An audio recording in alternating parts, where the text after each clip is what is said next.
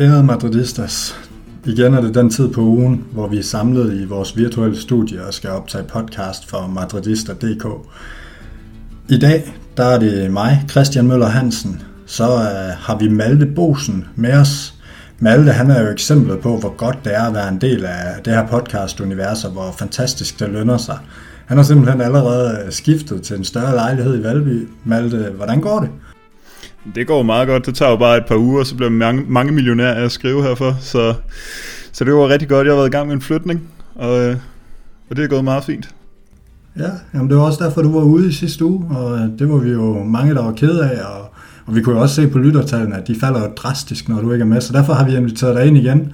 Jo, tak. Des, desværre så, så kunne vi ikke komme af med Daniel, så vi har også Daniel Andersen med fra Nordens Paris i Aalborg. Daniel, hvordan er humøret i dag, efter Danmark de røg ud i går?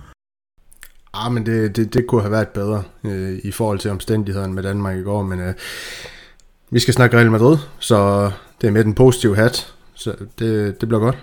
Lige præcis. Vi skal faktisk ikke bare snakke Real Madrid, fordi det er sådan lidt et mærkeligt tidspunkt. Der er ikke rigtig nogen spillerrygter. Der er ikke rigtig noget, der sådan er afklaret i forhold til vores unge spillere. Vi har ikke rigtig solgt noget. Vi har mistet Ramos, men det har vi brugt en podcast på. Så har vi besluttet i aften egentlig at dedikere den her podcast til at kigge lidt på Ancelotti. Kigge lidt nærmere og analysere lidt, hvad, hvordan var hans første periode? Hvordan regner vi med den anden periode bliver? Hvad er hans styrker? Hvad er hans svagheder? Og, øh, og så skal vi kigge en hel masse på også, hvor, hvilket udtryk vi forventer, Real Madrid kommer med i næste sæson. I to herrer, I har sendt mig en hel masse punkter, så jeg er sikker på, at der kommer rigtig meget kvalitet i den her podcast. Nu har I tilladt jer at sende mig nogle punkter, så har jeg selvfølgelig tilladt mig at udfordre jer med en god gammeldags quiz, og jeg lover jer, formatet det er, så Daniel han bliver forvirret, og Malte han ikke aner, hvad han skal svare. Så alt ved det gamle. Malte, hvad glæder du dig mest til at snakke om i aften? Uh, altså vi har jo kigget lidt på den gamle trup øh, fra 2014. Det glæder mig lidt til at snakke med, med jer om, om øh, ja, hvilke perspektiver I ligesom ser i den nye i forhold til den gamle. Og det er jo også øh, det er en lille smule nostalgisk at kigge tilbage øh, og ligesom se, hvad vi havde dengang, og hvilken alder alle de her spillere, som mange af dem er jo genganger fra nu. Øhm, så ja, jeg glæder mig egentlig til sammenligningen mellem de to trupper. Ja, lige præcis. Vi har allerede lige inden vi gik uh, on record her, der, der sad vi og diskuterede en lille smule Cristiano. Hvornår var det nu lige, han valgte de her Ballon d'Ors? Hvor meget var det, der var Ancelottis fortjeneste? Hvor meget var Cristiano? Det var nok mest portugiseren, men, øh, men italieneren skal nok også i hvert fald øh, tilskrives en del af æren for, for den anden, han fik i, i 2014. Og, øh, og det er da i hvert fald en af dem, vi kommer til at kigge lidt nærmere på. Hvor er den kvalitet i den her trup? Øh, fordi vi har jo ikke en spiller af den kaliber længere. Nu har vi til med også mistet vores anfører, så, så det er jo ret markant, øh, hvad der kommer til at ske. Øh, Daniel, hvad glæder du dig mest til at, til at kigge nærmere på? Ah, Jamen, det, det, det, det bliver jo nogle af de samme ting, men, men også det her med, øh, altså hvilke spillere der under Ancelotti i, i hans øh, ja, anden periode her i klubben kan komme til at shine, kan han få udviklet på nogle af de her eller nogle af de mange talenter med, med det her uforløste potentiale, som vi, vi, vi alle mener, der, der er nogen i truppen, der har. Altså Jovic, det, det Ødegård, øh, jeg vil ikke sige Blanco og Miguel Gutierrez, fordi de er, de er stadig undervejs, og, og store talenter, det er ikke så uforløst endnu. Men det bliver spændende at se, hvad, kan han, hvad han kan gøre med det her materiale, og så er jeg også enig med Malte i, at øh, det her kig, de her trupper igennem fra 13-14 og 14-15 med Ancelotti, altså det her, det her navn Jesse, hvad kunne det ikke være blevet til, hvis han ikke fik den skade, og så Grande Abelora skal, skal, skal snakke lidt ham måske, og, og Pep, altså der, der er virkelig nogle store skikkelser for den gang, som Ancelotti han havde, og som han måske ikke har i dag. Ja, lige præcis. Og helt konkret, så kommer vi til at gøre det sådan, at vi, vi tager tre segmenter. Det første segment, der kigger vi på, hvor truppen den er, den i dag er sværere, end den var i 13-14, da Ancelotti han kom til. Og øh, så tager vi vores øh, første runde i quizzen. Bagefter så tager vi øh, og snakker lidt om, hvor truppen den er stærkere. Der, der lover jeg lytterne for, at der har vi skulle kigge, øh, kigge grundigt efter. Men, øh, men I har lykkes med at finde tre punkter hver, så det, det glæder jeg mig til at, til at høre jer tale lidt om. Så kommer anden runde i quizzen, og t- så, øh, så går vi i tredje segment, som øh, kommer til at snakke lidt om, hvad, hvad er Ancelottis foretrukne formation? Hvordan forventer I, han kommer til at spille? Øh, hvilket udtryk kommer vi til at se Real Madrid med i næste sæson, og, og hvilke, hvad skal man sige, nye ting kan, kan måske presse på? Øh, er der nye idéer, er der nye tanker, som I ser som mulighed? Og til sidst, så skal vi have afgørelsen i quizzen, og øh, der tør jeg allerede godt love, at der er også det lille dansk islet med, så øh, det kan I jo glæde jer til, drenge. Jeg glæder mig i hvert fald, og, og jeg synes, vi skal, vi skal starte hos Malte her, som øh, har fået til opgave at, at finde nogle, øh, nogle svagheder, og, og en af de ting, du skriver, det er, det er mængden af offensive trusler. Vi har jo allerede været inde på, at Cristiano er væk, Malte, men hvad mener du egentlig med mængden af offensive trusler? Jamen det jeg mener med det, det er jo, vi havde jo også, dengang så havde vi Bale, øh, altså vi havde den der BBC-trio i en Ham har vi da stadig.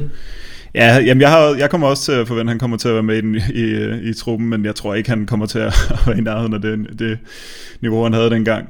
Øhm, så, så det er ligesom kun øh, Benzema, jeg ser som en faktor. Og så er det jo, altså, det, er jo det her, vi har snakket om med, så, så mange gange med, øhm, med de næste i rækken i den nuværende trup, som ikke, øh, som ikke slår til. Asensio laver ikke mål, Rodrigo laver ikke så mange mål, Vinicius laver ikke så mange mål, og vores reserveangriber, Jovic, Mariano kan slet ikke slå til. Så har jeg også kigget på nogle af de statistikker for nogle af de andre, øh, eller for, for sådan en som Isco for eksempel. Han scorede 11 mål og lavede 9 assist i Ancelottis første øh, sæson. Han lavede 6 mål og 13 assist i den anden. Nu har han lavet 9 mål og 5 assist over de sidste 3 sæsoner. Altså det er jo, han er jo gået fuldstændig i stå, men han var jo et eksempel på en, en ikke-angriber, men som, som, øh, altså som bidrog med meget øh, på både mål og assist dengang. Øhm, og så havde vi jo øh, Chicharito, god gamle Chicharito, i, øh, i anden sæson på leje fra United. Han lavede 9 mål og 9 assist i, i den ene sæson. Han lavede øh, 7 øh, mål og 7 assist i La Liga alene, så det er heller ikke bare sådan nogle Copa del Rey mål. Øhm, han lavede også det her afgørende mål i kvartfinalen, tror jeg det var, mod Atletico Madrid i Champions League. Øh, altså 9 mål og ni assist på en sæson, og altså det er jo det var reserveangriberen, og nu har vi Mariano, der har lavet seks mål på de sidste tre sæsoner, og Jovic, der slet ikke er kommet i gang. Øh, og så oven i det kan vi lægge Marcelo, som også var en helt anden offensiv trussel dengang. Så der, altså det, det kommer meget kun fra Benzema nu jo. Det er også det, vi har snakket om så meget. Øh, og når man kigger helt konkret på, på den første periode, når Ancelotti, så var der bare mange flere steder, at målene kunne komme fra. Øh, vi kunne spille med det her meget, ja, sådan, altså indlægsspillet var meget mere indlysende at benytte sig af dengang, synes jeg, fordi man kunne altid bare smide den ind, og så kom der en, en altså, utrolig luftstærke Bale eller Ronaldo ind og hamrede den ind, eller Benzema kunne også, ikke? Øh, så ja, altså det er jo, det er jo kun Benzema, der er truslen nu, og så er der også, så vi bare begrænser på spillestilen, på grund af, at der ikke er så mange spillere, der kan, der kan bidrage med de her mål ud af det blå længere.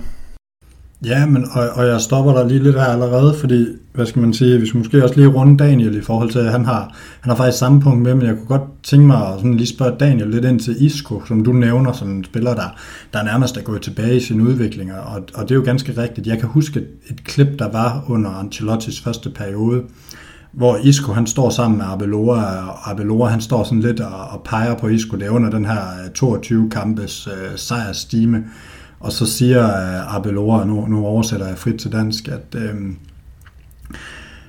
at vi har altid vidst, du havde en gudsbenået teknik, men endelig har du lært at løbe over 10 km og øh, komme i felterne, og det giver dig bare et helt andet udtryk. Du løber nærmest som en makalele.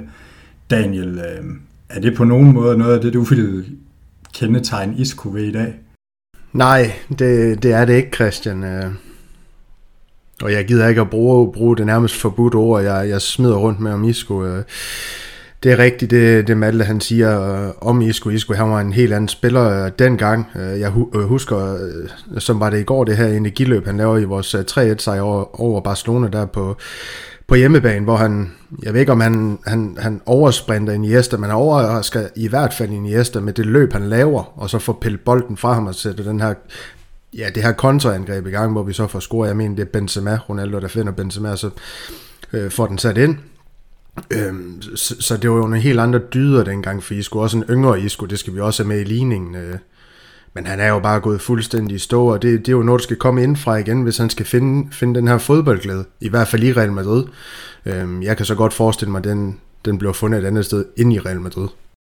Men Malte, hvis vi lige bliver ved den her, fordi vi, vi skal jo snakke svagheder, og der må man jo sige, at, øh, at Isco han, han falder lidt i den kategori. Hvad er det, der afholder Isco fra at genfinde sig selv, nu hvor han får Ancelotti tilbage, eller, eller hvad skal man sige, måske omvendt, men Hvorfor er det, vi ikke kommer til at se den Isco i næste sæson? Jeg tror, jeg tror, løbet er kørt for ham. Altså, jeg tror helt mentalt, tror jeg, han stod af under øh, Solari. Øhm, der, var jo, der var der også noget med, at han brokkede sig på sociale medier og sådan noget. Altså, det virker som om, han... Det kan være, at han ikke helt har indset sin rolle i truppen. At han var så nem at, at egentlig sortere fra.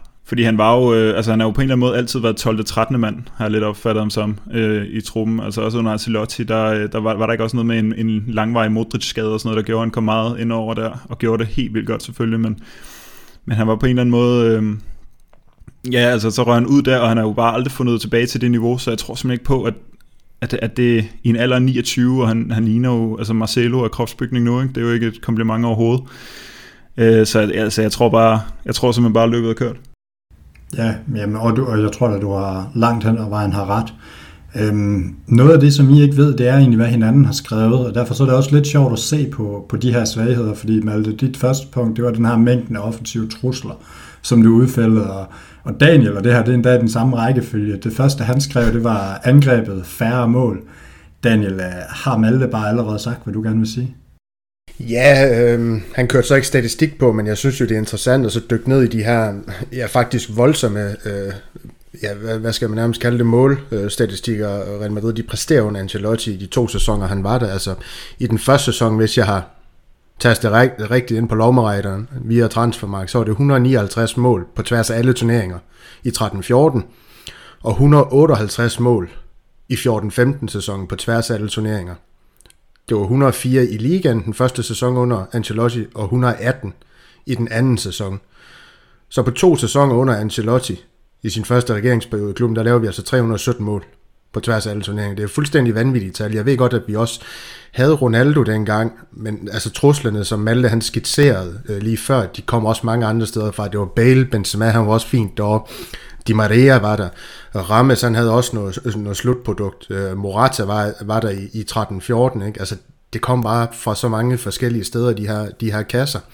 Og så hvis man sammenligner med, med det, vi har været viden til de seneste to sæsoner under Zidane, der scorede vi 97 mål i, i 1920 på tværs af alle turneringer. 70 ligaen og 84 mål i Zidanes øh, sidste sæson, altså ja, i fjor, ikke? Øh, 67 mål i ligaen. Det er en forskel på 136 mål på to sæsoner.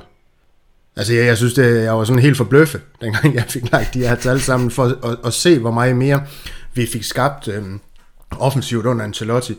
Så er der jo alt, den her, alt det her med at Zidane, han, han har fået skabt et, et, et stærkt øh, defensivt fundament, og, og det var så det, Ancelotti han måske manglede lidt i sin øh, ja, ja, første periode i Real Madrid, og det må man så se, om man kan trække de her, her ting øh, videre fra, øh, fra øh, som Zidane han har skabt defensivt over i sin anden regeringsperiode, men det, det finder vi ud af, så. Altså, det, det, er jo, det er jo bare et markant dårligt angreb, vi har, øh, hvor det kun, som Malte han også øh, var inde på, Benzema, der, det lader til at have et nogenlunde niveau i den her truppe. Altså Hazard, han er stadig den her ubekendte, kan han komme tilbage eller ikke komme tilbage, men det er i hvert fald noget, Ancelotti han skal adressere og så fundet nogle ja, kreative løsninger på øh, i en fart på, på den her træningsbane, øh, så vi forhåbentlig kan få et, øh, et andet offensivt udtryk øh, på, på banen i kampene, der, der resulterer i nogle mål offensivt, og han har jo også berørt det her godt nok sådan lidt kægt øh, på pressemødet, øh, da han blev præsenteret. Vinicius, han skulle ikke score ja, seks mål, hvad var han fik sagt, var det, han, han, han kunne lægge 10 mål på ham. Jeg tror også, det var derfor, jeg lavede vedmål med Jesper. Øh, men man kan bare se, altså øh, en Richarlison i, i Everton, han laver, var det 13 mål på tværs af alle turneringer i sidste sæson. Øh, Insigne, jeg mener det var i Napoli, han laver også rimelig mange mål, øh, plus angriberen, de er alle sammen over, over 15 mål, så, så vidt jeg lige øh, stussede ned over det, både i Napoli og Everton, da han var der, jeg har ikke lige taget Bayern-perioden, men det er bare for at sige, altså, altså den her kreative kantspiller for Venstre, han plejer også at score mål under Ancelotti, og man ikke også vil komme til at se, øh, til at se det i den, i den kommende sæson, det håber jeg i hvert fald. Ja, og der må jo så diskutere, hvor, hvor hvad skal man sige, Vinicius han rangerer i forhold til de her spillere. Richarlison er jo også foran ham på det brasilianske landshold, så, så det er jo en mod moden spiller, men omvendt også en spiller, der jo måske ikke havde været der i karrieren, hvis ikke det var for netop Ancelotti, så, så der er der helt sikkert noget der. Øhm, men det bliver spændende at følge, og jeg synes, at jeg har nogle rigtig, rigtig gode pointer. Lad os prøve at gå videre til, til punkt nummer to, fordi øhm, Daniel, det er, det er vores backs, det offensive produkt, og Malte, det er forsvaret, både den åbenlyse med centerbacks, men også med vores backs parret nu versus dengang. Så I er jo egentlig ret enige om her, at, øh, at særligt vores backs er en helt anden kvalitet. Og Daniel, jeg tænker, her der kan du få lov at starte med lige at, at folde det lidt ud, hvad du mener med, med det offensive produkt fra vores backs er så meget dårligere, fordi jeg tænker, at vi, øh, en Mangdi Hansen og der videre i Champions League, så, så helt skidt står det vel ikke til. Og vi har en omskolet højre ving som højre bak, så, så altså et eller andet kan de vel.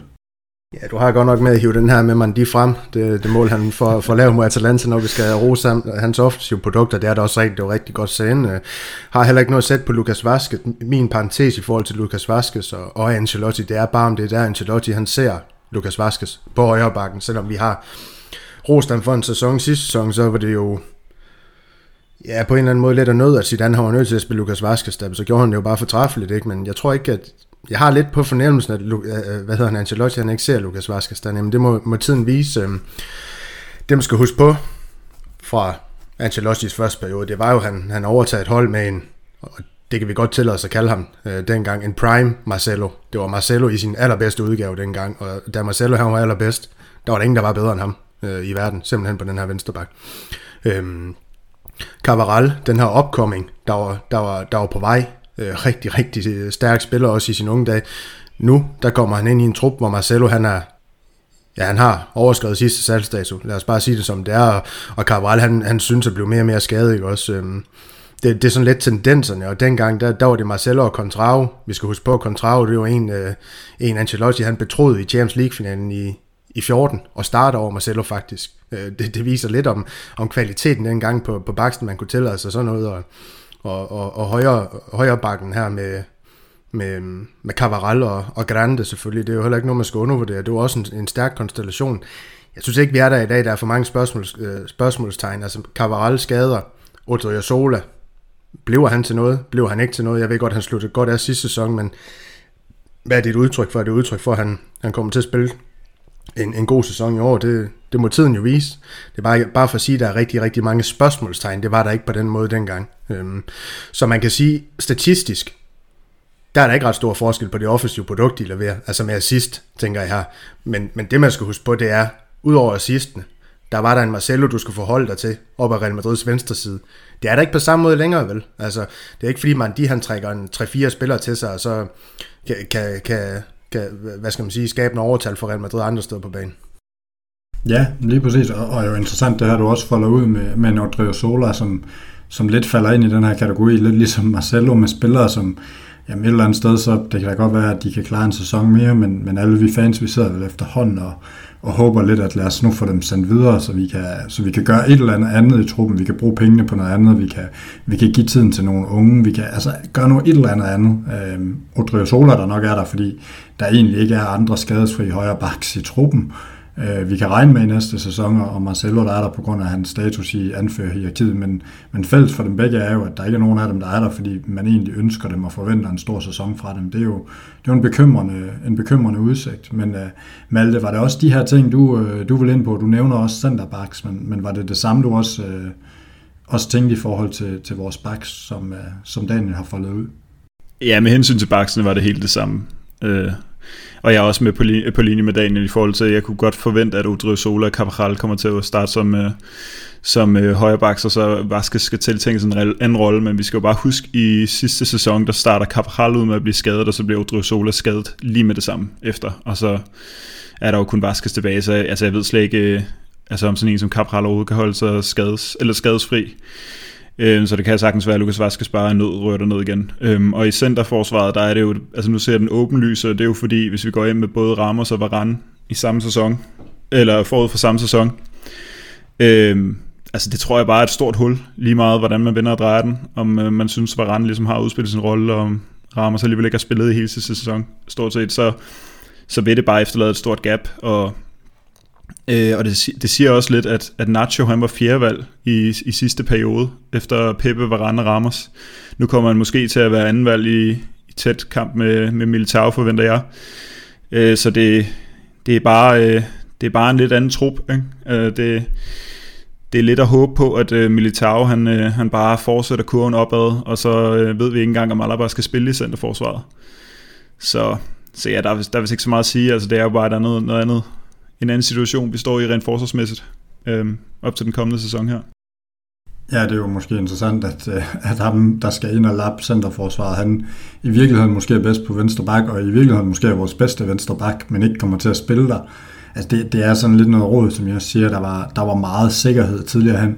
Jeg kunne egentlig godt tænke mig lige sådan at, at holde en lille smule fast i den her højre bak, fordi nu snakker vi rigtig meget om problemerne, og der, og der er jo mange problemer, fordi enten så har man meget skadet spillere, en mand, der har været reserve i, i tre år, og ikke rigtig leveret, eller en øh, omskolet højre Ving, som vi jo, altså, jo, han gjorde det fint i sidste sæson, men, men vi var heller ikke op, hvor vi må sige, at øh, man tænker verdensklasse, og, og man kunne også sagtens undgå ham til det spanske landshold. Så, så det fortæller jo også lidt om, om manglende kvalitet. Hvis I skulle øh, sådan lige få lov her og, og lege sportsdirektør, og vi leger, I havde 40 millioner euro, øh, Hvem, hvem kunne I egentlig finde på at gå efter til den her højre bakke, eller har vi en i truppen, som I tænker, han kunne være interessant, og han kunne måske dække den med kvalitet i de næste tre år? Er der, er der nogen af jer, der vil prøve at byde ind på sådan en tanke? Joachim Mel. Joachim Mel. Jo. Ja, okay. Nå, men jeg, du var dansk. Ja, og, og nordjysk, Østerbro, så selvfølgelig øh, støtter jeg op om, om, om den fremragende EM-turnering. Mel, han præsterede lidt under par i, desværre i semifinalen mod, mod England, men det er også svært at stå over for de der to hurtige løber i Saka og så Walker på, på Englands højre kant og i, i Danmarks øh, venstre side, øh, så han er måske lidt undskyld i den kamp, men en spiller, der simpelthen har gennemgået en forrygende udvikling og, og bliver ved med at lægge på sit spil, øh, fremragende offensivt, øh, og noget arbejde, som hedder defensivt. Øh, jeg, jeg kunne sagtens se sådan en spiller i, i, i, øh, i Real Madrid. Så ved jeg godt, at han er dansker, og og så har man måske med at sige, er han god nok? Jamen, det er han. Det, den er ikke så meget længere. Malte, er Daniel ude med klaphatten her?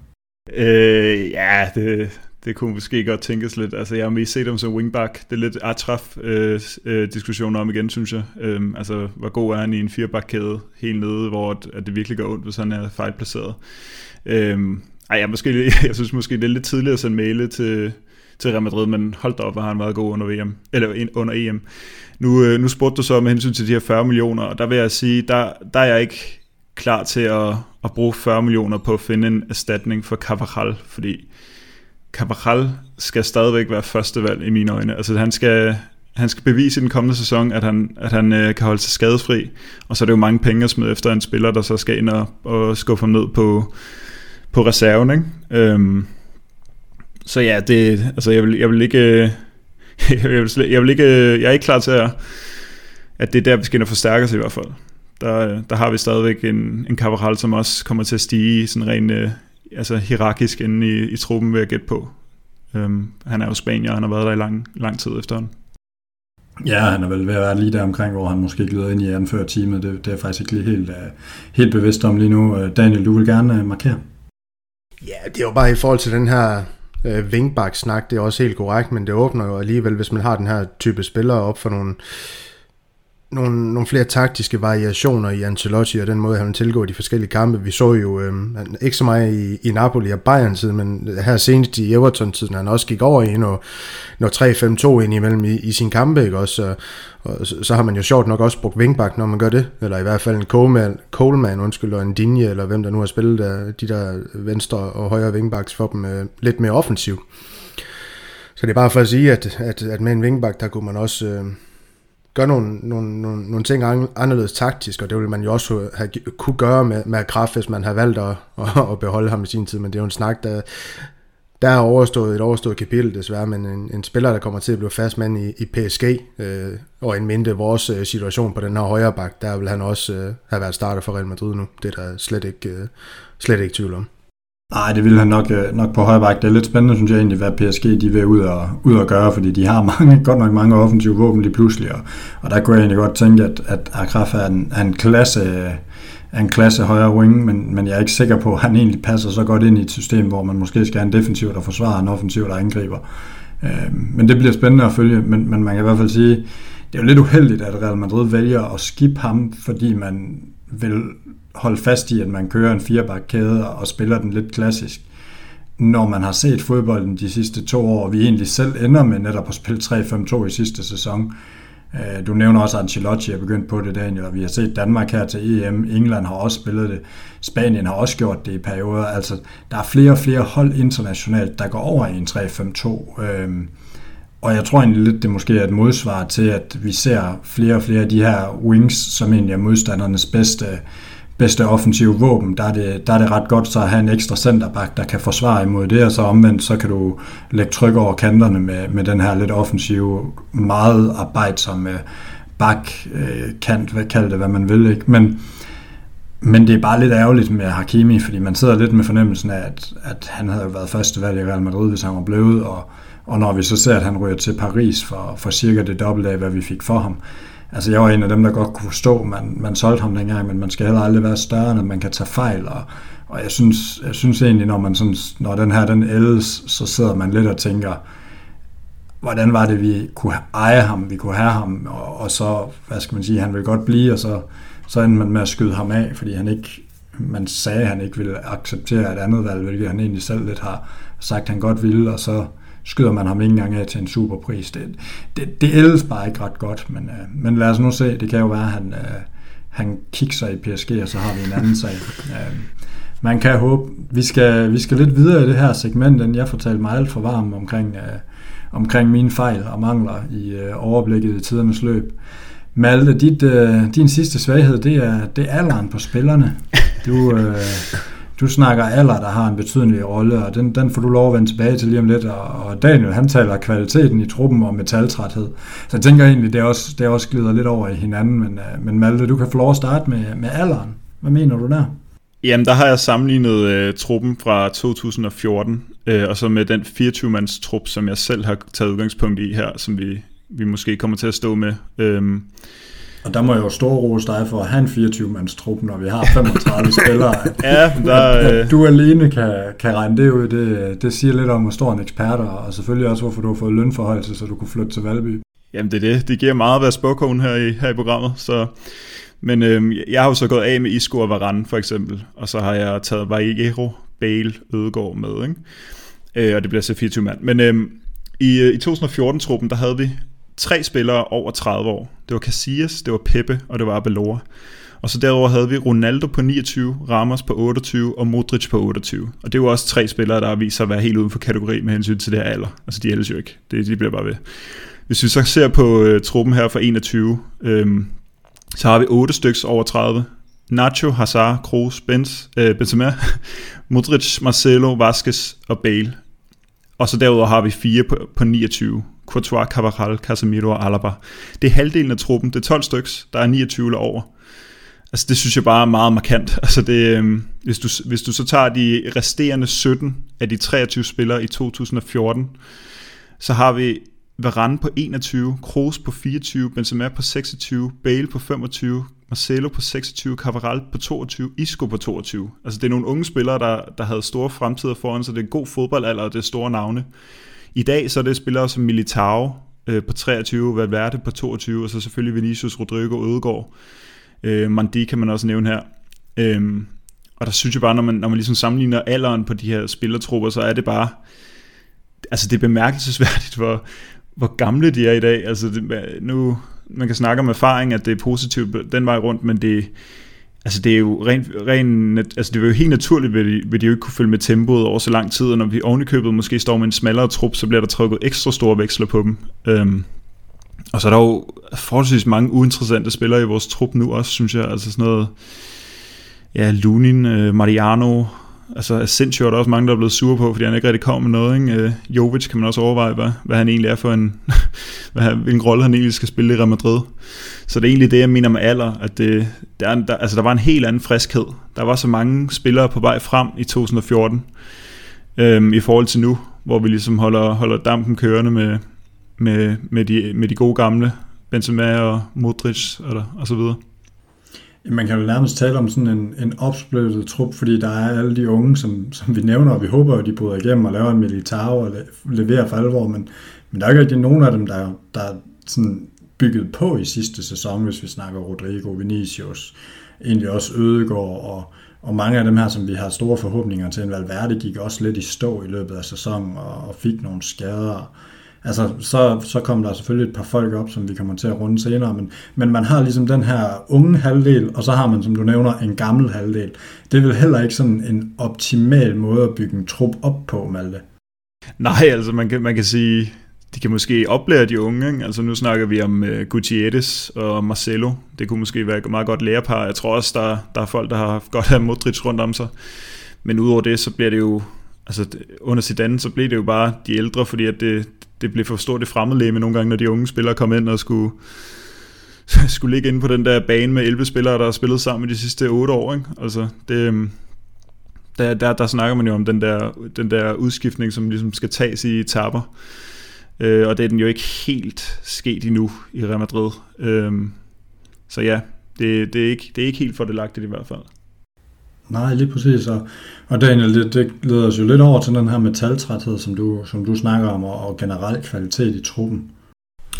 Ja, altså metaltrætheden, altså det giver jo næsten lidt sig selv, altså når man har vundet det, man, man har i Real Madrid. Øh, mange af de spillere her, øh, når Malte han berører det her med alderen, så er det også dem, der har været med til at vinde de her mange af dem i hvert fald fire Champions League titler på, på fem sæsoner og, og mesterskaber her og der, ikke også? Så man, man har vundet rigtig mange ting, og, og jeg tror også, at jamen, altså sådan en spiller som Isco, han er bare tilfreds, og det er derfor, vi ser, at han ikke, øh, altså en spiller der, der aldrig nogensinde kommer tilbage til niveau, øh, så er der selvfølgelig stadig de spillere, der, der er på det niveau, fordi de er rigtig, rigtig dygtige. Øh, vi kan snakke Modric, vi kan snakke Kroos, vi kan snakke Benzema selvfølgelig, ikke? Kroos, der så har sagt, øh, stop på, på landsholdet for at kanalisere sin energi ind i, i, øh, i Real Madrid, men vi skal tænke på, at han er stadig kun 30 år, Kroos. Hvorfor stoppe på landsholdet nu? Øh, er, er man ikke gær nok til at, til at vil have en, ja, måske en VM, potentiel VM-titel med Tyskland? Det er bare, det er bare et eksempel. Øh, han har jo også løftet slør, for han måske allerede vil stoppe karrieren i en alder af 32 eller 33 Kroos, og det er jo ret ungt. Øh, og, og jeg synes, den der med truppens kvalitet, den har vi sådan set berørt øh, i løbet af det her, både med det her med de manglende øh, mål, øh, som, som vi simpelthen ikke har formået at score med, med vores offensive spillere, og vi, der, derfor er der selvfølgelig heller ikke så mange i truppen, der har lavet assist, når vi laver så mange mål. Det, det giver også næsten sig selv, men render man ned over de her to forskellige lad os bare sige 14-15 truppen med, med, med 20, 20-21 truppen, der er for mig at se, der er en, der er en verden, verden til forskel på, hvor, hvor de spillere dengang var, og, og de spillere nu er. Øh, det var spillere, der, der var på vej ind i deres prime alle sammen til at skulle øh, overtage fodbold Europa. Det er det ikke længere. Øh, øh, slet og ret. Øh, vi, vi håber stadig med mange af de her talenter. Det er også derfor, vi kommer til, til det uforløste den her trup på et eller, andet, et eller andet tidspunkt i den snak her. Det er, jo, det er jo et håb, vi har. Det er jo ikke en forventning endnu. Nej, lige præcis. Og, og det, er jo en, det er jo en rigtig god pointe. Lad os måske øh, ligge ned der. Vi har trods alt stadig et håb. Jeg er jo ikke bekymret, drenge. Vi sidder tre, øh, tre madridister her. Vi drikker alle sammen vand. Hvad, hvad, hvad er det lige, der foregår? Nej, det er vodka. Nej, jeg har kaffe. okay. Kaffe. Nå, okay. Jamen, så kommer du da ikke til at komme i seng i aften. Nej, nej, det er du er allerede på tredje kop. du skal ud og lave en kan mere. ja, jamen, det plejer du da at sætte konen til. Ja, lige præcis. Ja. Nå, men øh, lad os lægge ned her. Der, øh, der er ikke meget håb, hvis vi skal kigge øh, svagheder i dag kontra dengang, så, så lad os komme hurtigt videre og over i noget mere positivt. Men, øh, men først så skal vi forbi første runde i quizzen, og Malte, jeg synes egentlig, som, øh, som nyeste ankomst øh, i, eller ankommende i panelet, så får du lov at bestemme, om du vil have spørgsmål 1 eller spørgsmål 2. Jeg tager spørgsmål 1. Det tror jeg, du bliver glad for. Fordi øh, spørgsmålet i, i den her runde, det går lidt på, hvem der forlod Real Madrid i 2013, og hvor de tog hen. Og øh, en af de spillere, der forlod Real Madrid, det var Ricardo Carvalho, en af datidens øh, bedre forsvarsspillere. Hvor smuttede han hen? Åh, oh, ja. Tog han ikke til Monaco? Jeg siger Monaco. Det, det gjorde han. Det er ganske korrekt. Du scorede et point her. Allerede der, der er du jo der er du jo bedre end Jesper har været de sidste 5-6 gange til sammen. Det, det er dejligt. Det er også dejligt, at vi lige kan hænge Jesper ud, selvom han er taget på ferie og ikke kunne være med os i aften. Det skal til. Daniel, du er bagud, men uh, du kan stadig nå at tabe. ja. Dit spørgsmål det er, til hvilken klub blev Denis Cherisev udlejet i sommeren 2013? Jamen, øhm, det er jo næsten pinligt, hvis jeg ikke kan det, ikke? Det kunne man jo synes. Øhm, jeg går med Villarreal. Så det var pinligt. Ja. Det var, det var Sevilla. Det var der, han startede sin rundtur i de her spanske midterklubber, som uh, ja, hvad skal man sige, han har været i Sevilla, vi er alle, som du nævner, Valencia, der tror jeg i øvrigt stadig, han sidder på bænken.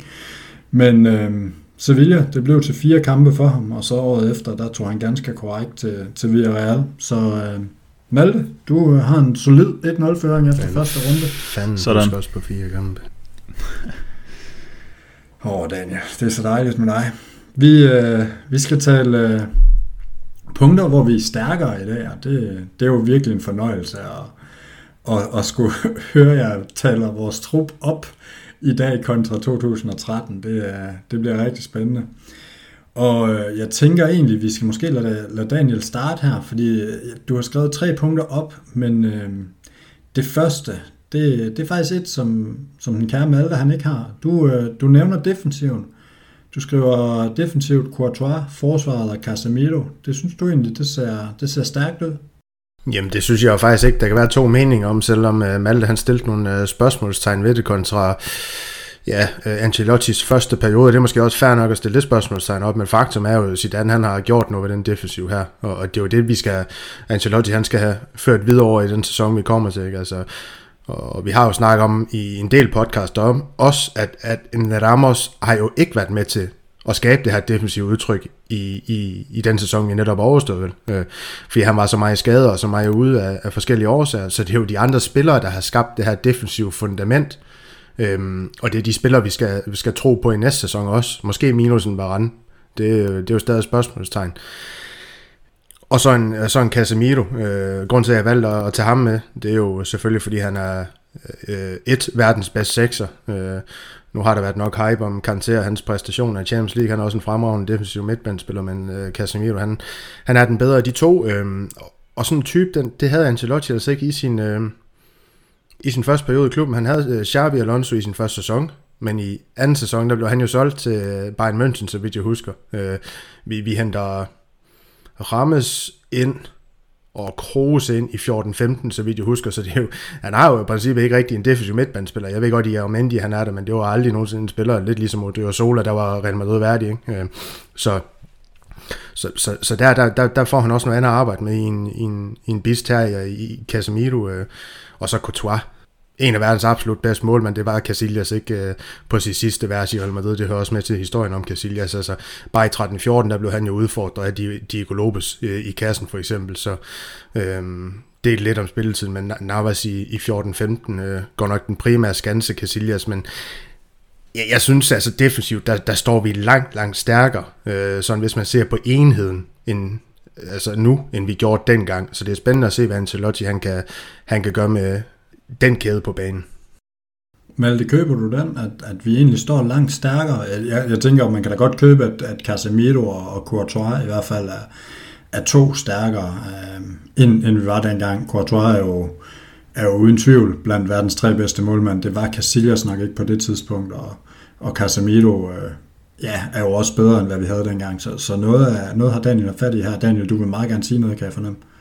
Det vil du sige. Men nej, nej, men jeg, jeg, jeg tænker bare, altså, hvis man ikke kan betro sig til, til, til statistik i, i, i, i snakken om, om defensiv, så, så kan man jo heller ikke offensivt. Det vil jo svare til at sige, at vi, vi står bedre offensivt øh, nu, end vi gjorde dengang. Det vil jo også være noget øh, blæver og lukke ud af munden, skulle jeg sige. Øh, så, så det er jo klart, at altså, statistisk, der, der står vi klart bedre defensivt, end, end vi gjorde under Ancelottis øh, første regeringsperiode. Og Malte, nu får du lov at, at svare. Ja, men det, altså, det er selvfølgelig øh, noget mærkeligt noget at sidde og skulle argumentere mod statistik, ud for, fordi jeg, snak, jeg kommer til at snakke mere subjektivt nu her, men der er jo også noget med udtrykket i holdet, altså hvis man, udny, hvis man udnytter sine offensive kræfter på den måde, som Ancelotti havde mulighed for at gøre, gøre i, sin, i sin første periode, altså, så er det jo noget med, at, at Bale og Ronaldo og Benzema skal kunne udfolde sig helt vildt meget offensivt, ikke? altså bare rulle derud af, og, og der har jo ikke været nogen spillere, udover Benzema, som i øvrigt også knokler røven ud af bukserne, som har kunne altså få det samme privilegie øh, under Zidane i, i de seneste par sæsoner her. Så, så der, derfor synes jeg egentlig godt, man kan forholde sig lidt kritisk til sådan noget statistik her, fordi Zidane har jo selvfølgelig, altså det virker jo som om Zidane han har, han har set forserne, altså at han skulle prioritere anderledes. Han har været nødt til at prioritere, at kandspillerne har knoklet og har skulle kunne løbe med tilbage, og at vi har stået i en solid blok. Øhm, Så, så jeg synes ikke kun, man kan snakke om, at, at bare fordi der bliver lukket færre mål ind, så, så er defensivt nødvendigvis også stærkere. Fordi hvis Ancelotti havde prioriteret på samme måde i 14-15, så kunne det sagtens have været den samme mængde mål. Altså det, det kan vi jo ikke vide, fordi altså, det handler om, hvordan du organiserer holdet. Øhm, og, så, øh, og så er der jo også det her med, ja, det kan godt være, at Ramos ikke fyldt så meget sidste sæson rent defensivt.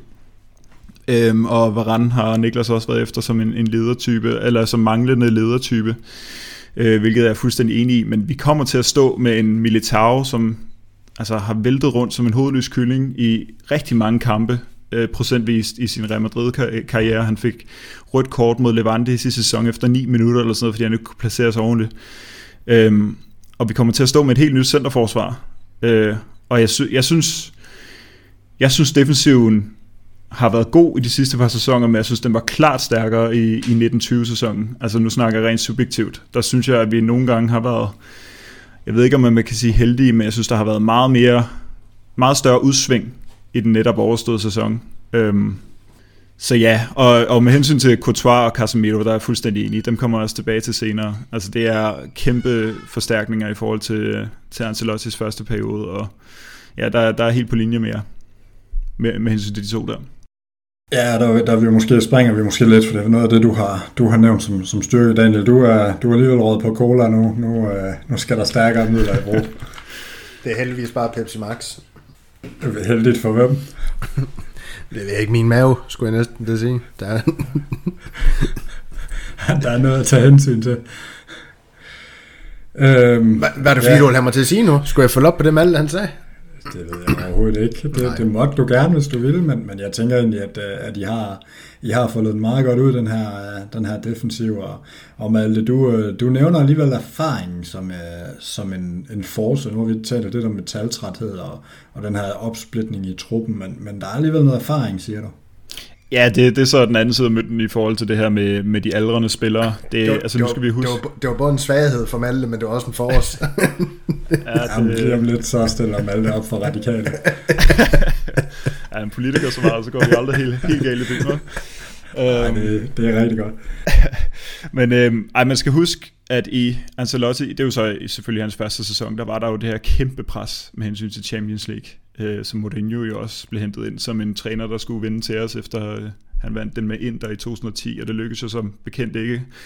Og vi kom i semifinalen år efter år, og der var jo det her kæmpe pres for, at, at, at, at den der 10. titel skulle komme, komme i hus. Ikke? Og den, den er der jo ikke længere, og det var jo lige efter Ancelotti, altså presset er der ikke længere, og det var jo lige efter Ancelotti forlod klubben, at at vi så gik i gang med bare at vinde den år efter år efter år. Og der har vi jo, altså der må man jo snakke om erfaring, at de spillere, der har været igennem den her periode, altså de, de kan jo tage de her store kampe med større ro.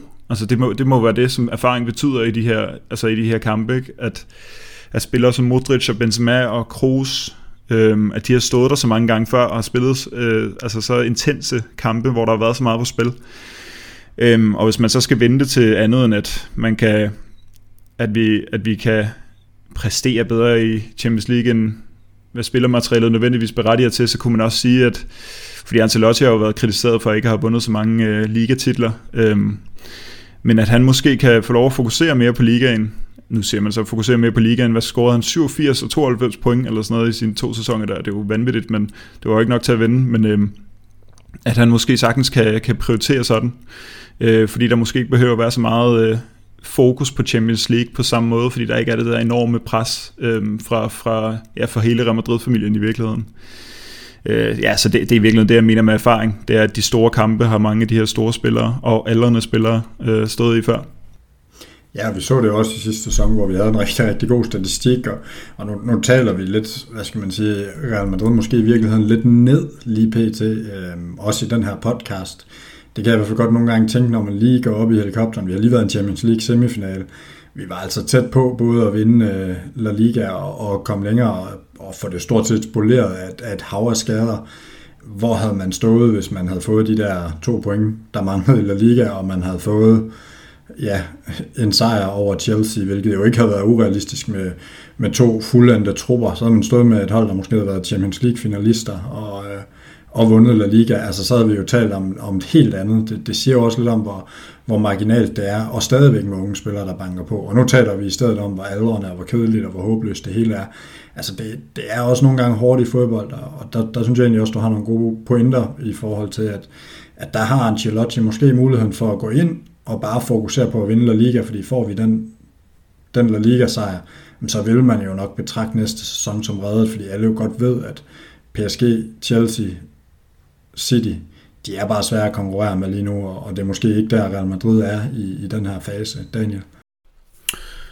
Øhm, nej, men det var bare lige en opfølgning på det, du siger med, at vi, vi ender de her to point efter, og, og en semifinal, men man kan så også om spørge sig selv om, altså hvor tæt på var vi i virkeligheden? Altså fordi vi er jo over 10 point efter på et tidspunkt i ligaen. Vi havde jo inden sidste sæson spået, øh, at vi ville øh, vinde ligaen øh, ret klart. at vi havde den øh, absolut stærkeste trup, øh, men sandheden viser sig jo at være en, øh, en, en absolut anden i, i, i sidste sæson. Så det er også derfor, jeg tror, jeg, jeg vælger at gå lidt mere kritisk til, til værks øh, over for det materiale, Ancelotti han, han har arbejdet med i, i hvert fald i, i den podcast her, med, med i den her Champions League-ligning, hører jo også, at vi vaklede rigtig, rigtig meget i gruppespil. Øh, for godt nok sat den her spurt ind i, til sidst og, og, og vende over, er det Inter og, og, og Gladbach, øh, hvor får 6 point også. Og så går videre, øh, Atalanta et hold, vi skal slå øh, 10 uger 10 gange. Øh, selvom de bliver råbt op til det helt store under Gasparini, og, og så et Liverpool-hold, der heller ikke er Liverpool, altså det Liverpool-hold, vi for eksempel mødte i finalen i 18, og, og det, der selv vinder, var det i 19. Øhm, så altså, der, der er i hvert fald nogle faktorer, der, der spiller ind i forhold til, at øh, jeg godt synes, man kan være lidt kritisk over for øh, materialet.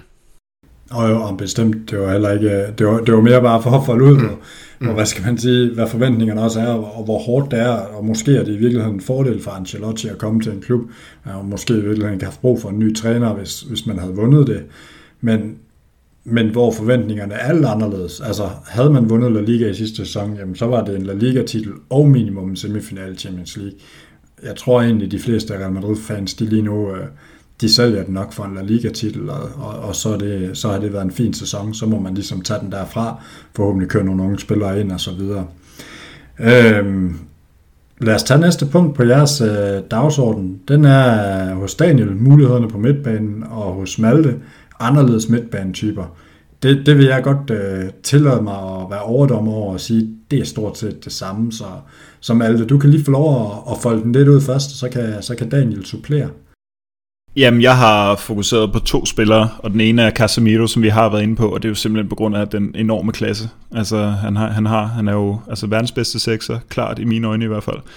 Øhm, han var udlejet til Porto i Ancelottis anden sæson, tror jeg, og så spillede han stort set ikke i den første. Og så tror jeg allerede, det var sæson efter, at han, han virkelig slog igennem, og det var vel også allerede øh, i sæsonen efter, i 2016, der at Zidane tog over og, og ligesom smed ham ind på midtbanen. Så han er jo altså han er bare ved at nævne, det er en, det er en helt anden spillertype, som, er, som, som Ancelotti kommer til at have.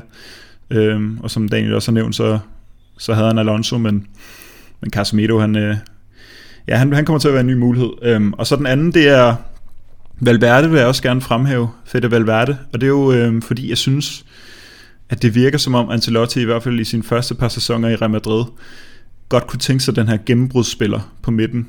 Øh, og det baserer jeg på, at vi havde Kedira, øh, som jo kom efter nogle gode periode, en, en god periode under øh, Mourinho, som den her ja, meget kraftfulde spiller, og han var jo, altså, så, som jeg husker det i hvert fald, så var han fraværende store dele frem til 2014, hvor vi spiller den her La Decima finale, hvor han vist nok kommer tilbage lige, lige, lige tidsnok til at kunne komme ind og spille, og så spiller han jo selvfølgelig ikke nogen rolle, og så så sælger vi om sæsonen efter, fordi at han ikke finder sit niveau, så det var jo sådan en light udgave af Kadira, og hvad gør Ancelotti så? Jamen så omskoler han Di Maria øh, til at blive den, altså han er selvfølgelig en meget mere væver spiller end både Valverde og Kedira og knap så fysisk øh, med hensyn til kropsstyrke i hvert fald, men trods alt en gennembrudsstærk spiller, øh, som kan bryde gennem kæder og så videre. Øh, og, der, og nu får Ancelotti jo så den her bumstærke uruguayaner, eller hvordan man egentlig siger det, øhm, som, øh, som, jo, øh, som jo allerede har rollen, og det er bare sådan, han skal, det er bare sådan, han skal spille. Det er sådan, han har spillet under Zidane, når han ikke er blevet placeret på alle mulige mærkelige højrebaks og højrekanter og alt muligt, så har Ancelotti altså den her spiller på midten, som bare kan gå ind og tage den plads. Øhm, så ja, det er, egentlig, det er egentlig det, jeg mener med anderledes midtbanetyper. Det er Casemiro og, og Valverde, som, øh, som lidt, lidt varierer fra, øh, fra sæsonerne i første periode. Ja, og meget gode pointer. Jeg tænker også alt det her med, med Casemiro egentlig øh, en sammenligning. Jeg har i hvert fald ikke har tænkt så meget over det her med at sammenligne ham lidt med Sabi Alonso. Så, altså, jeg tænker, deres øh, tidspunkt i karrieren, deres lederskab og sådan noget, det er ikke så meget øh, deres spil med fødderne, jeg sammenligner, fordi der, der er de ikke helt ens. Men det her med alligevel øh, at vide, hvornår man skal mande sig op, vide, hvornår man skal give en skideball, vide, hvornår man skal, man skal tage et ekstra løb, eller, eller man skal gå hårdt til den. Og sådan, der, på den måde, der, der tror jeg, de er meget samme sted. Det, det er en meget god sammenligning. Øhm, at de jo så dækker nogle lidt forskellige områder. Den ene er mere playmaker end den anden, det er jo, det er jo en anden sag. Men øhm, Daniel, du, du taler om alle mulighederne på midtbanen. Malte, han, øh, han nævner en altid midtbane og nævner to spillere. Du må da mene, der er flere muligheder på den her midtbane, Daniel. Ja, men det, det er også nogle af de spillere, øh, jeg selvfølgelig har haft med i ligningen. Det er også derfor, jeg, jeg nævnte Casemiro i, i, i det her med, med defensiven eller forsvar. Øhm, man kan, også, man kan også vælge faktisk at hive Antonio Blanco øh, ind i ligningen, og det kan man, fordi at selvfølgelig bliver Casemiro den primære sekser, men han har et udtryk, og det er jo, at han er brølstærk, som vi har været inde på. Han er duelstærk. Han, han vinder sin, sin bolde derinde og, og sætter sig i respekt, men Antonio Blanco, han er jo lidt en anden type. Måske en Xavi Alonso øh, øh, type, ikke? Øh, den her øh, lidt mere vævre spiller, der der, der gør sig spilbar, gerne vil fordele spille, øh, og, og som I kender Ancelotti, øh, Ancelotti både fra hans tid i, øh, selvfølgelig Milan øh, med Pirlo, men, men også Everton med Alan, som han øh, brugte i den her tilbagetrukne rolle. Han kan godt lide de her typer, der er gode på bolden defensivt. Øh, altså på den her sekser, og det er Antonio Blanco, så, så jeg kunne godt forestille mig, at han var en spiller, der, der, der kunne blomstre på i et eller andet omfang under Ancelotti, og, og få en del spilletid, fordi han, er afsindig øh, god på bolden faktisk, Antonio Blanco. Det, det, det, må, det må man sige omkring, så det, så det bliver spændende, synes jeg. Så er der jo også øh, den her ubekendte mødegård. Hvad kan, og hvad bliver han? Er det den centrale midtbane? Er det øh, på, på en... Øh, på en kant, hvor han skal trække ind i banen, ligesom Rammes måske. Øh, det, det er jo lidt svært at sige, men ja, jeg kunne godt forestille mig, at, øh, og det var så et punkt, jeg også ville trække frem længere ned med, med Hødegård, men det er bare for at sige, at, at en Hødegård, ham kunne jeg godt se, at en Ancelotti vil, vil, vil, vil lave en, en kopi i forhold til det her forhold, han har haft med, med Rammes. Uh, øh, Ancelotti, de, man må sige, Rammes under Ancelotti, der har han jo præsteret, det har han faktisk også gjort i Everton i et eller andet omfang, ikke i, i Premier League. Øhm, øh, og jeg kunne godt se Hødegård øh, få en, øh, en fremtrædende rolle på det her Real Madrid-hold under Ancelotti i, i det system, han nogle gange vil, vil praktisere.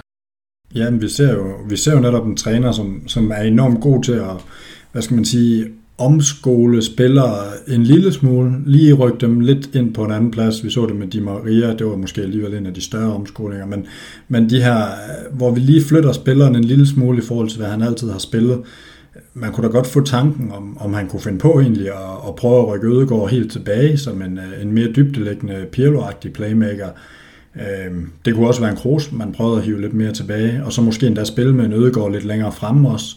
Øhm, altså, man kunne, man kunne gøre mange ting med Ødegård, at det er jo lidt det, du er inde på, Daniel, med at han har aldrig rigtig fundet sin plads, hverken i, i Real Madrid eller, eller andre steder. Selvfølgelig gjorde han i La Real, men, men det kunne være spændende at se, om, om det var sådan en Ancelotti, han kunne, han kunne udforske. Vi, vi snakker så meget om, at han kan få Vinicius talent frem.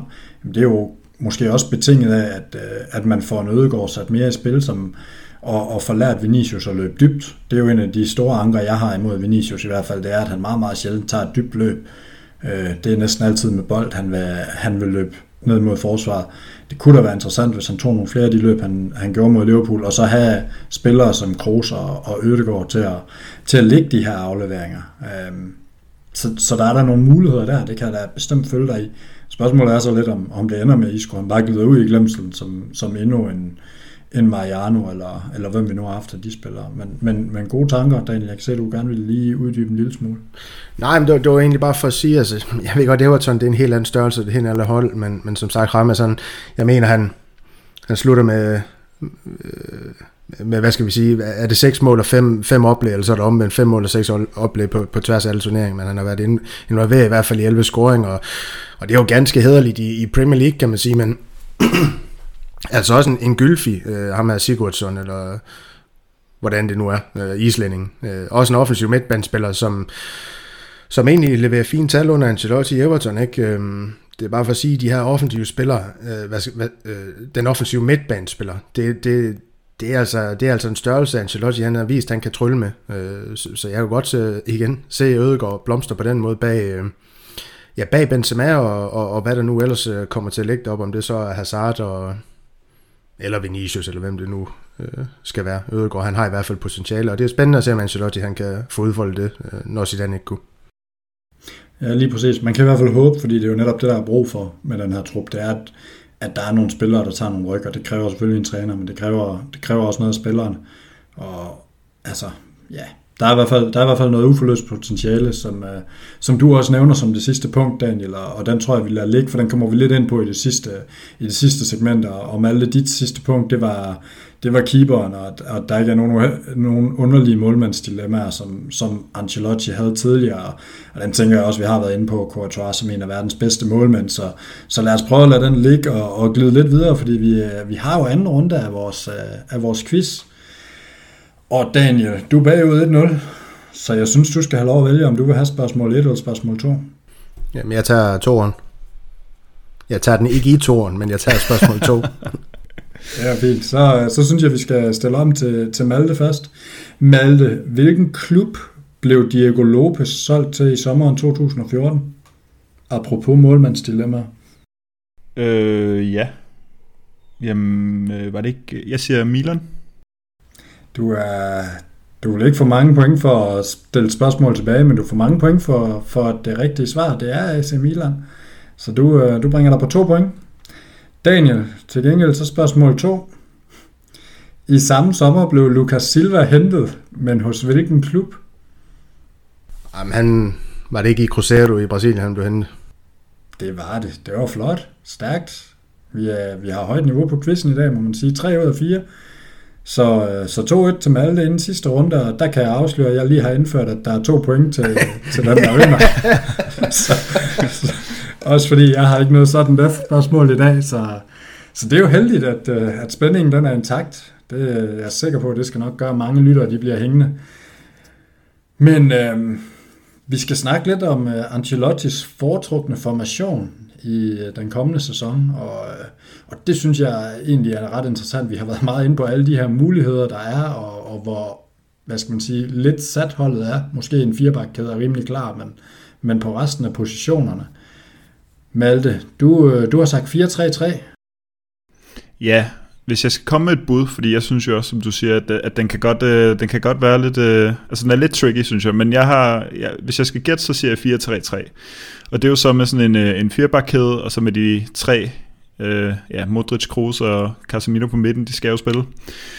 Og så er jeg gået med en, øh, ja, altså tre, tre offensiv selvfølgelig, hvor at, øh, Benzema selvfølgelig skal være angriberen, og så øh, en venstre kant, der gætter, altså der, jeg er ikke klar til at tænke Hazard som nogen øh, faktor overhovedet endnu, øh, før han kan holde sig mere skadesfri, så der vil jeg gætte på, at han kommer til at, altså Ancelotti kommer til at forsøge sig med Vinicius. Og så på højre kanten, der kunne jeg også godt tænke mig at snakke lidt med jer om, hvad I tænker, fordi jeg, jeg synes, øh, jeg synes Ancelotti har givet udtryk for mange gange, både sit spil, men også hvad han har snakket om, øh, når han udtaler sig, at han godt kan lide de her spillere, der er gode imellem kæderne. Øhm, og ja, han har jo også, altså sådan en som Rames, har jo ligget til højre øh, ofte under Ancelotti, hvor han kan trække ind i banen med sit venstre og være spilskabende.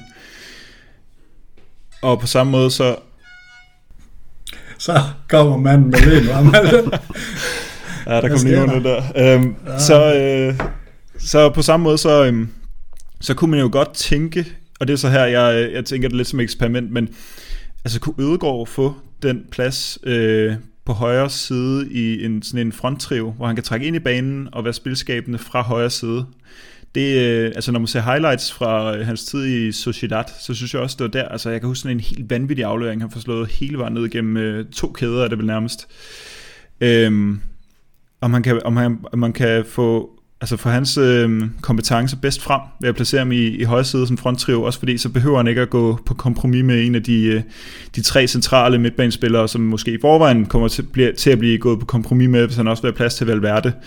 Og det er så også lidt her, at jeg, jeg er så lidt i tvivl. Altså, går han med den, der vil han også have Asensio øh, som den samme slags spiller, som kan ligge højere, højre drejet selvfølgelig. Øh, han har måske udspillet sin rolle, hvem ved, men om Valverde, om han skal tiltænke sådan en, en højre kant, eller om det er bare sådan en idé, som Zidane fik, eller om Ancelotti også godt kan overtage den.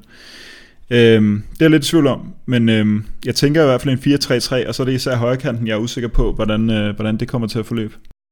Daniel, hvis vi lige skal forholde os til Maltes øh, 4-3-3, en højrekants dilemma her. Jamen det, det har jo været et, øh, et dilemma siden, at øh, Bale han, han sidst spillede godt i Real Madrid, øh, den her højre kant. Øh, Asensio han er jo desværre ikke øh, øh, genfundet, hvad skal man sige, den, den opadgående formkurve, han på vej op, at, inden han fik den her triste skade, men han siger så også selv, at det ikke i dag, han har udtalt, eller så var det i går, Asensio, at han i sidste sæson faktisk spillede med, med smerter i en del af kampene, men han, han nu skulle føle sig 100%, øh, hvad man skal lægge i det, det ved jeg ikke, om det er for at forsvare hans øh, rædderlighed i sidste sæson, men lad, lad, lad den nu ligge, men, men det er en sjov tanke at åbne op, for jeg, jeg, det kan godt være, at det bliver noget 4-3-3 i, øh, i, hvad skal man sige, øh, Øh, altså formationsmæssigt, når, når det bliver lined op, men jeg kunne også godt forestille mig en Ødegaard Sancho hvem det nu end bliver, kommer til at ligge mere centralt, måske også i virkeligheden fast på en eller anden måde, og så skal løbende øh, komme omkring dem. Her tænker jeg en Modric, her tænker jeg en Valverde, hvis det er dem, der har den, en af dem, der har den dynamiske 8'er. Øh, fordi jeg kunne godt forestille mig, er udgangspunktet i højre side for Ødegård. Det synes jeg også, vi stod, så i starten af i sidste sæson mod Real Sociedad, og, og der var han får chancen under sit andet i de, i de få kampe der. De, øh, de løb for mig oven i hinanden, ham Modric. Og det er jo fordi, han, han, skal, han, han har udgangspunkt i højre, skal ind over midten, hvor Modric han, han søger op i banen. Hvad med at starte med udgangspunktet indcentralt på den offensive, som Modric, Valverde og hvem det nu ellers kan komme uden, udenom ham så kan man sige, en, en, en Vinicius med, med hans fart, han kan jo søge dybden ude for venstre kant, og så har han jo også Benzema, kan, kan længe sammen med, men altså, tanken den er interessant, men jeg, jeg kunne godt forestille mig, at, at, at vi kommer til at se Ødegaard i en mere central skikke, men også for at adressere altså de her generelle kantproblemer, vi har. Hvorfor skal vi spille en 4-3-3? Det kunne jeg også godt tænke mig at høre alt om. Hvorfor skal vi spille en 4-3-3, når vi åbenlyst er dårligst øh, på banen på kanterne? Hvorfor ikke, øh, hvorfor ikke øh, øh, øh, hvad skal vi sige, spille en lidt mere hvad kan man sige, sammenpres opstilling med, med nogle centrale spillere, hvor det, baksene de skal skabe skabe bredden øh, indlæggende, øh, så vi også kan få flere spillere i boksen i virkeligheden. Øh, det kan være en Benzema, øh, akkompagnere med, med enten Hazard, Vinicius, måske endda en Jovic. Øh, øh, det er bare for at sige, at der, der er rigtig, rigtig mange øh, altså muligheder i det her, øh, med, med de spillere, vi har. Jeg synes i hvert fald, man skal til at overveje, om, om man skal til at gå lidt væk fra det her kantspil, vi har haft gang i nu, når det har fungeret så øh, fuldstændig latterligt dårligt. Jeg undskylder min negativitet lige nu, men det er jo bare faktum. Ja, og nu sidder jeg så og tænker lidt, sådan, imens I snakker, så der er nogle gange lige tid til at, til at overveje tingene. I snakker lidt om, om den her højre kant, og, og selvfølgelig også om der skal spilles det ene en eller andet formation, og det, der tænker jeg også, at man måske også nogle gange det godt diskutere med, som, som Michael Laudrup gør, om, om talformationer er så vigtige. Uh, han er jo en af dem, der altid fortaler for, at at, at det handler også om, at man har forskellige kvaliteter. Man har nogen, der er gode på bolden, man har nogen, der er gode til at, til at løbe hurtigt, man har nogen, der er gode til at tage nogle løb, og man har nogen, der, der er gode til at læse, læse spillet. At man skal have lidt af, lidt af hvert, og så, øh, så går det som regel op, uanset om det hedder 4-3-3, 4-5-1, eller hvad det nu hedder. Øhm, og, og Daniel, du har også nævnt, at man kunne godt angribe i en 4-3-3 og forsvare en 4-4-2. Øhm, det er jo også lidt det, Malte ligger op til her med, med at Ødegaard eller Valverde måske i virkeligheden er mere midtbanespillere, end de er de sådan traditionelt offensive kanter. Men jeg kunne alligevel godt smide sådan lidt tilbage i hovedet af jer. Nu nævner jeg bare lige, hvem vi egentlig indtil nu har snakket om som højre kant i Real Madrid næste sæson. I har nævnt i løbet af den her udsendelse 1. Ødegaard, 2. Valverde, 3. Rodrigo, 4. Bale, 5. Ramos, 6. Lucas, 7. Asensio og 8. Hazard. Er det ikke udtryk for, hvor, hvor fuldstændig absurd det står til på den her kant, at der er faktisk ikke nogen af dem her, vi sådan for alvor regner med er skibet. Vi håber, der rammer sig væk, men, men, men ellers så ser det ud til, alle i truppen i næste sæson. Vi taler 8 egentlig forholdsvis højt profilerede højrekanter, og alligevel snakker vi om det, som om det er den dårligste position. Og, og, og hvor skidt vi står, det er da, det er da enormt bekymrende, er det ikke? Malte? Jo, det er det da, men altså, og det er den dårligste position, synes jeg. Altså, øhm, ja, altså det er også, det er også sådan, øh, vi har jo, øh, altså mange af de her spillere, du lige nævner nu her, de er jo købt ind som, øh, som venstrekanter, og som skal omskoles på den ene eller den anden måde. Øh, altså sådan en som Rodrigo, Vinicius, Hazard, de, er jo, altså de har jo deres, deres udgangspunkt i venstre, øh, som højrebenet øh, som højrebenet kanter, øh, og der har vi jo så kun Asensio, og så måske Ødegaard, og så tidligere haft Bale, som de der, der kan trække ind i banen, øh, hvis det skal være symmetrisk i hvert fald, med sådan en, øh, ja, altså hvor kanterne ligesom er på den kant, som ikke umiddelbart giver mening øh, med det ben, de har, hvor de kan trække ind centralt. Ja, og så der, der kan man jo sige, Bale han, blev, han var faktisk venstrekant, da han kom fra Tottenham, og, og Ødegaard, han er, vil jo være en omskoling og rykke ud på højre, for han har jo egentlig spillet centralt det meste af karrieren. Ikke?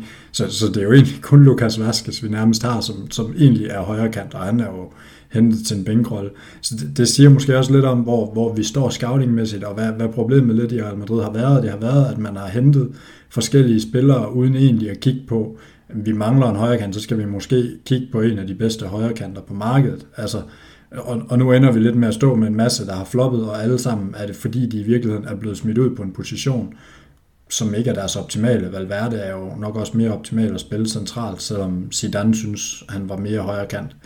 Øhm, Daniel, er, er, er det ikke der, vi ligger med nogle af de her problemer? Jo, det, det, det er det da. Øhm, Altså man kan jo sige, med mange af de spillere her, der har man jo godt kunne se ideen i dem, hvorfor man, man vil have dem lagt i, i højre siden. Altså det her med, at, at, at, hvad skal man sige, en Bale for eksempel skulle være en, øh, hvad hedder sådan noget, øh, et spejlbillede af, af det øh, Ronaldo han gjorde på venstre kanten. Det var det, man øh, jo vil have Bale han, han lavede på højre kanten. Det gjorde han jo også til dels. Bare ikke, bare ikke på helt samme niveau, men han er stadig klassespiller til at starte med i Real Madrid. Ikke? Ham jeg håber det samme for Asensio, de spiller man jo ellers har smidt, øh, smidt derud, men, men jeg kan da godt se, det der en, det er da nødvendigvis ikke en nem position at skal bestride, hvis man ikke har det, hvad skal vi sige, øh, øh ikke er, at vokse op med, med, med spilposition. Øh, det, det er jo klart. Så, så er det jo mig, der skal, skal vende sig til på, på absolut topplan, og så kan man måske godt komme til kort. Øh. Men en ting er, er højre kanten, en anden ting er også venstre kanten lige nu. Altså, som jeg siger, kan spille generelt i, i klubben, og det er derfor, jeg mener, altså, det er jo også noget, vi bliver nødt til at kigge på, og, og sådan helt generelt øh, adressere taktisk og, og begynde at overveje, om vi skal, vi, vi skal tænke anderledes end, end det, vi gør nu. Og det kunne jo også være noget 3-5-2, som Zidane jo faktisk også praktiserede en del sidste sæson. Jeg ved godt, det er Malte, der vist ikke er, er så stor fan af 3-5-2, fordi det kommer jo til at tage noget fra, hvad skal vi sige, den offensive... Øh, man piller en offensiv spiller væk på en eller anden måde, og, og der mister du jo noget... øh, kreativitet, noget stjernepower potentielt i, i Real Madrid, men når sandheden er, at vi, vi ikke kan bruge penge, når sandheden er, at øh, materialet på de, på de kanter ikke er godt nok, ikke har vist sig godt nok, så synes jeg også, man, man, man bør nyt, nytænke. Malte, du har markeret også lige før, at du skal, du skal have lov at komme med dine gode indspark her. Ja, men jeg kunne godt kommentere på begge ting, I siger egentlig. Jeg synes, du rammer, Christian, øh, hovedet på sømmet med hensyn til, at du, du snakker lidt om, om scouting og sådan, øh, den sportslige plan, og det synes jeg, altså det, det har jeg også følt meget, meget længe, altså helt tilbage til, at vi begyndte at hente de der unge brasilianere. Altså, hvad, vi, der, vi har været kædet sammen med Hazard i så mange år. Øh, jeg tror også, vi henter Vinicius, altså jeg tror, vi får skrevet under med ham, inden at Ronaldo reelt set forlader klubben. Øh, og så henter vi også Rodrigo, og så oven i købet får vi Hazard. Altså, hvor mange venstrekanter skal der lige være? Og så er der ikke nogen plan med, om de skal udlejes eller ej. Altså, det, det er virkelig underligt. Øh, så ja, det vil egentlig, altså jeg synes godt, man kan, man kan være efter den sportslige ledelse. Øh, og så med hensyn til, til Daniels pointer her, altså det er også, jeg er også med på, på, at vi skal være pragmatiske, og altså så, altså Zidane gjorde det også i sidste sæson med at, at skråtte Asensio lidt til fordel for en, for en mere solid defensiv. Jeg synes bare, det er ærgerligt med, altså med, altså vi har, vi har jo ikke de mest interessante bakker, det må man jo sige. Altså det er jo ikke, det er jo ikke sådan en, en, en Marcelo eller en playmaker som Kimmich eller et eller andet. Vi har, vi har, vi har nogle meget standard bakker nu, synes jeg, i sådan noget Mandi og Odrio Sola, hvis det skal være dem. Øh, og sådan omskolet Vasquez, og have to wingbacks og så tre centerbacks. Altså, jeg synes, det er et irriterende, øhm, irriterende om en måske nødvendigt øh, træk.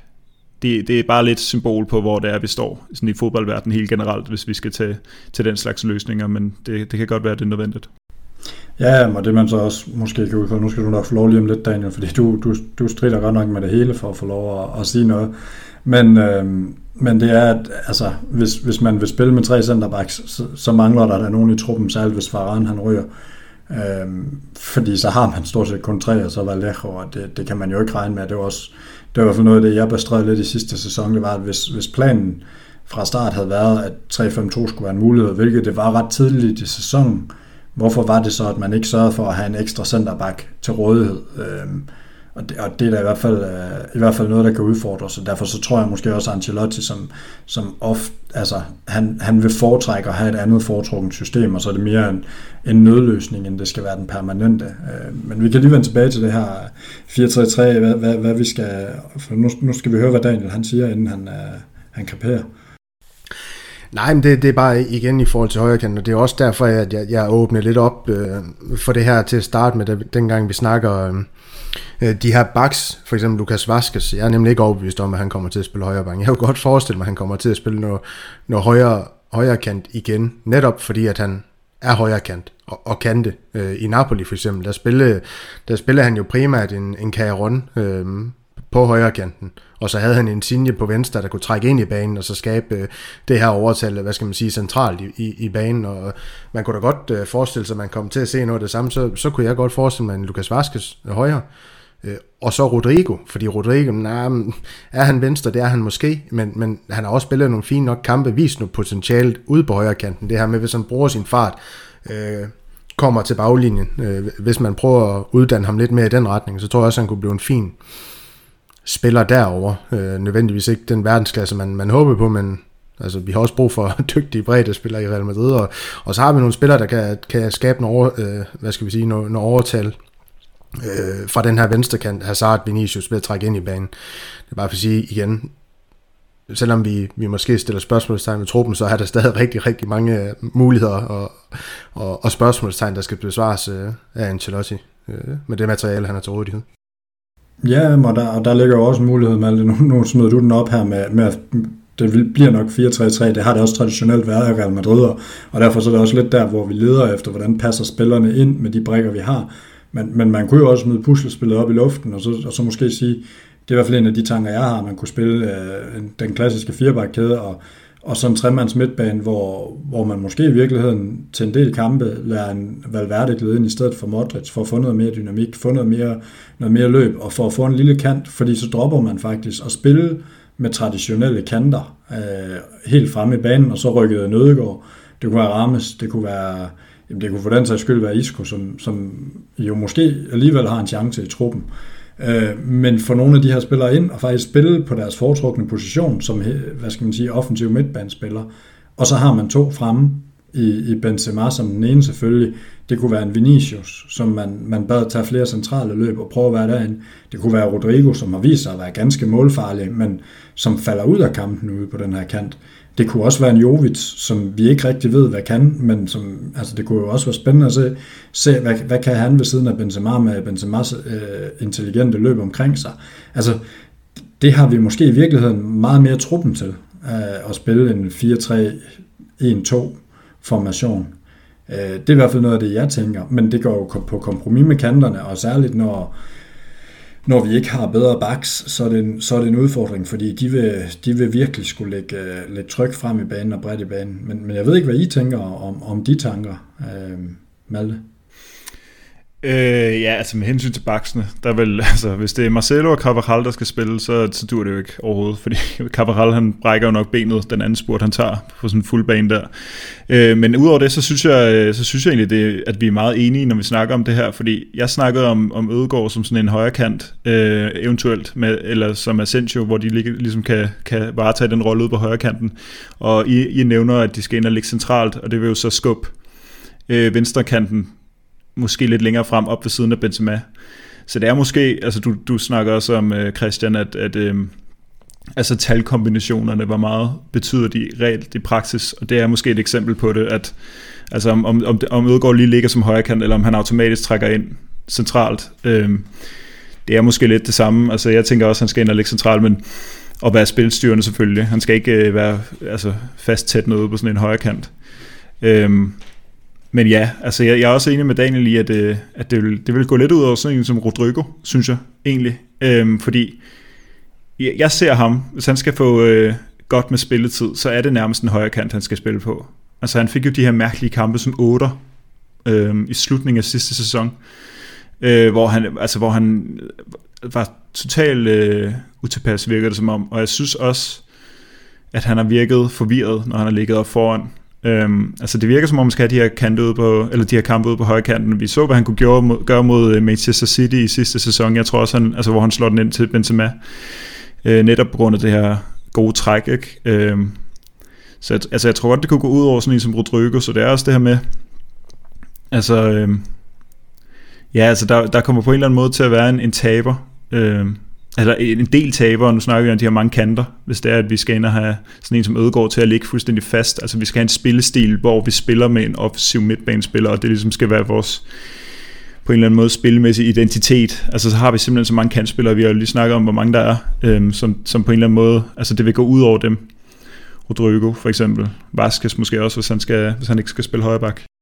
Ja, ja og så, så er der jo også det, at, at vi har en, en Modric, som bliver 36 3-4 uger inde i, i, i næste sæson. Uh, en Kroos, der også bliver 32 i løbet af sæsonen, og, og Benzema, der bliver 34. Så der er jo også noget alder uh, på spil, som måske gør, at, at man ikke skal tænke, at de her spillere, det er, det er en, det er en fast start 11, men det måske er en lidt mere flydende 13-14 mand, uh, man skal til at spille og, og, og finde ind, og så, så kan man jo også ændre både formation og, og gøre det hele lidt mere flydende, og måske også se på, hvad er det egentlig modstandernes svagheder er.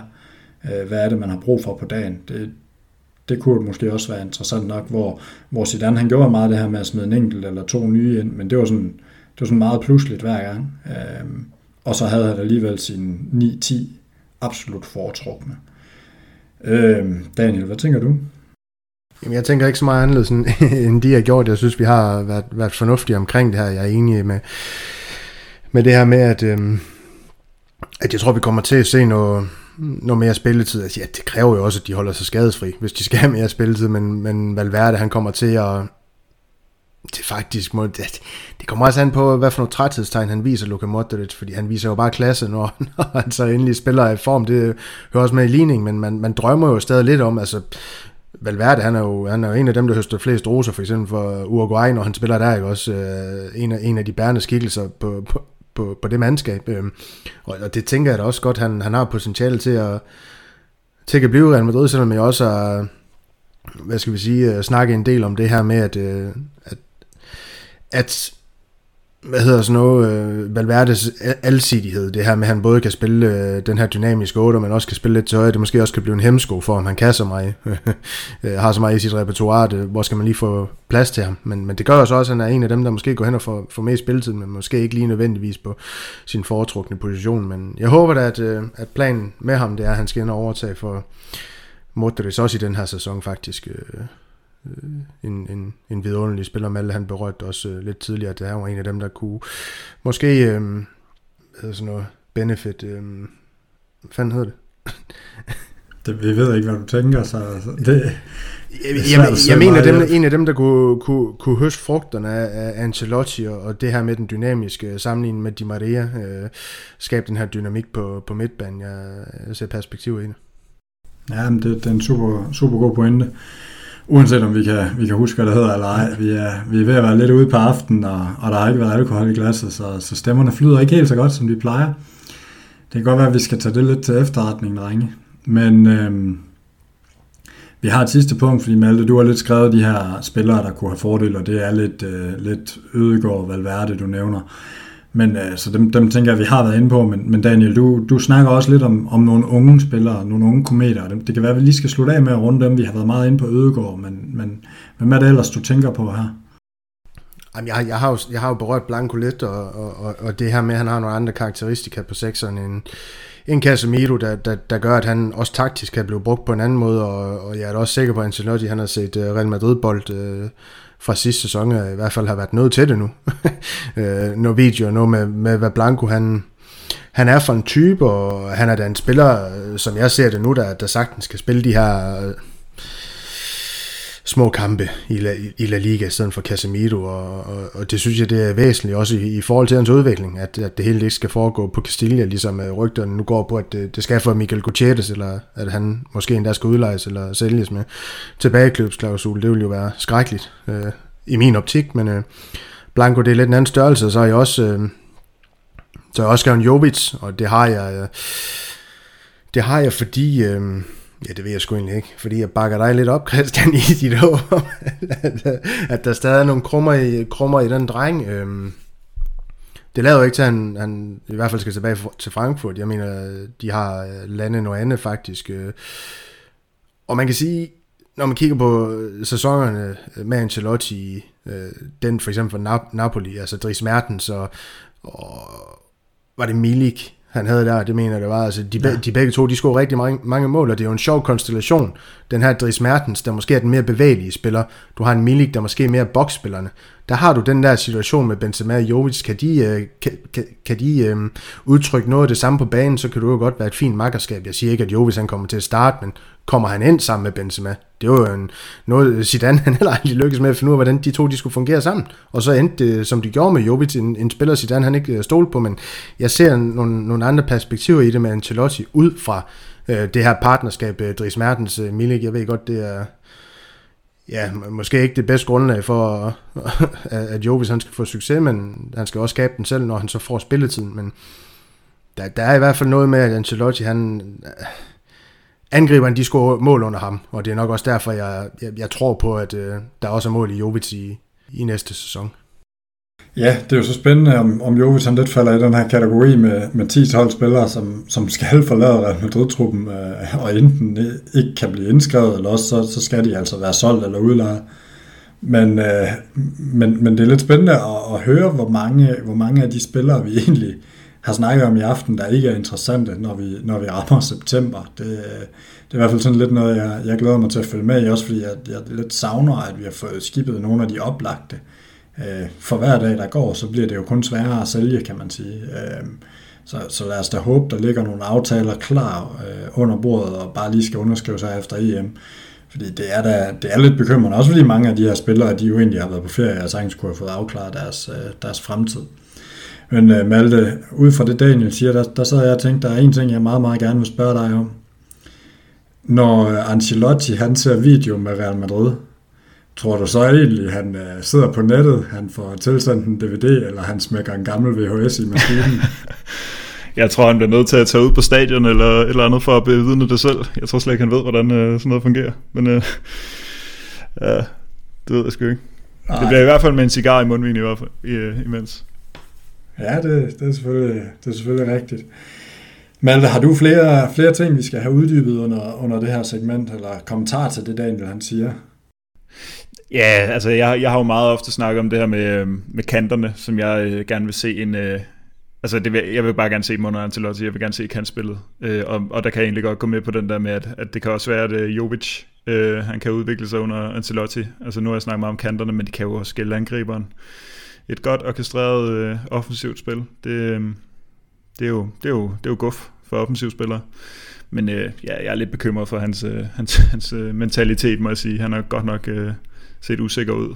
Altså han har jo virket helt kyst af, af sådan den scene. Så, men, øh, men jeg må håbe, fordi jeg er, også, jeg er usikker på, om vi kommer ind med også.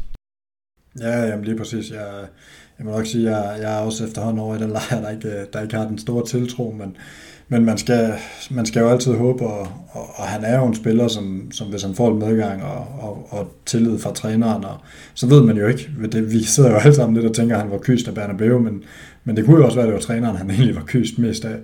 Øh, der var i hvert fald ikke meget tillid at hente den vej, øh, og det virkede meget mærkeligt, når han fik start, så var vi jo nærmest alle sammen chokeret. Så, øh, så lad os øh, lægge ned der. Vi har, vi har virkelig fået rundet mange ting. Jeg synes, det har været yderst interessant. Men øh, det mest interessante, det er jo nærmest, at vi skal afgjort quizzen nu. Og øh, drenge, I, øh, I kender formatet her, hvor vi øh, I skal blive ved med at byde, og så ser vi, øh, hvem der først rammer forbi. Vedkommende, der først rammer forbi, taber. Så det øh, forstår, I, forstår I den del af, af sidste runde i quizzen? Ja, ja. ja, vi er med. Så langt af med. Det er godt, det er godt. Man kan aldrig vide med jer to. Øhm, og jeg kan afsløre, at det bliver Daniel, der, der skal starte, fordi han er bagud, så lidt fordel skal der være ved at have sikret en føring på, på 2-1. Og øh, det, I skal battle om, det er start i Real Madrids opgør på Bernabeu mod FCK i Ancelottis første periode. Så, øh, så jeg glæder mig lidt til at høre, hvad I hiver frem, og hvem der først rammer forbi i, øh, i ligner et par, par mænd på udebane. Det er, jo, det er jo helt perfekt, når man har, når man har ramt quizzen på den måde. Daniel, du, øh, du kan få lov at starte. Øh, var det på hjemmebane eller udebane? det var hjemmebane 4-0. hjemmebane 4-0, okay.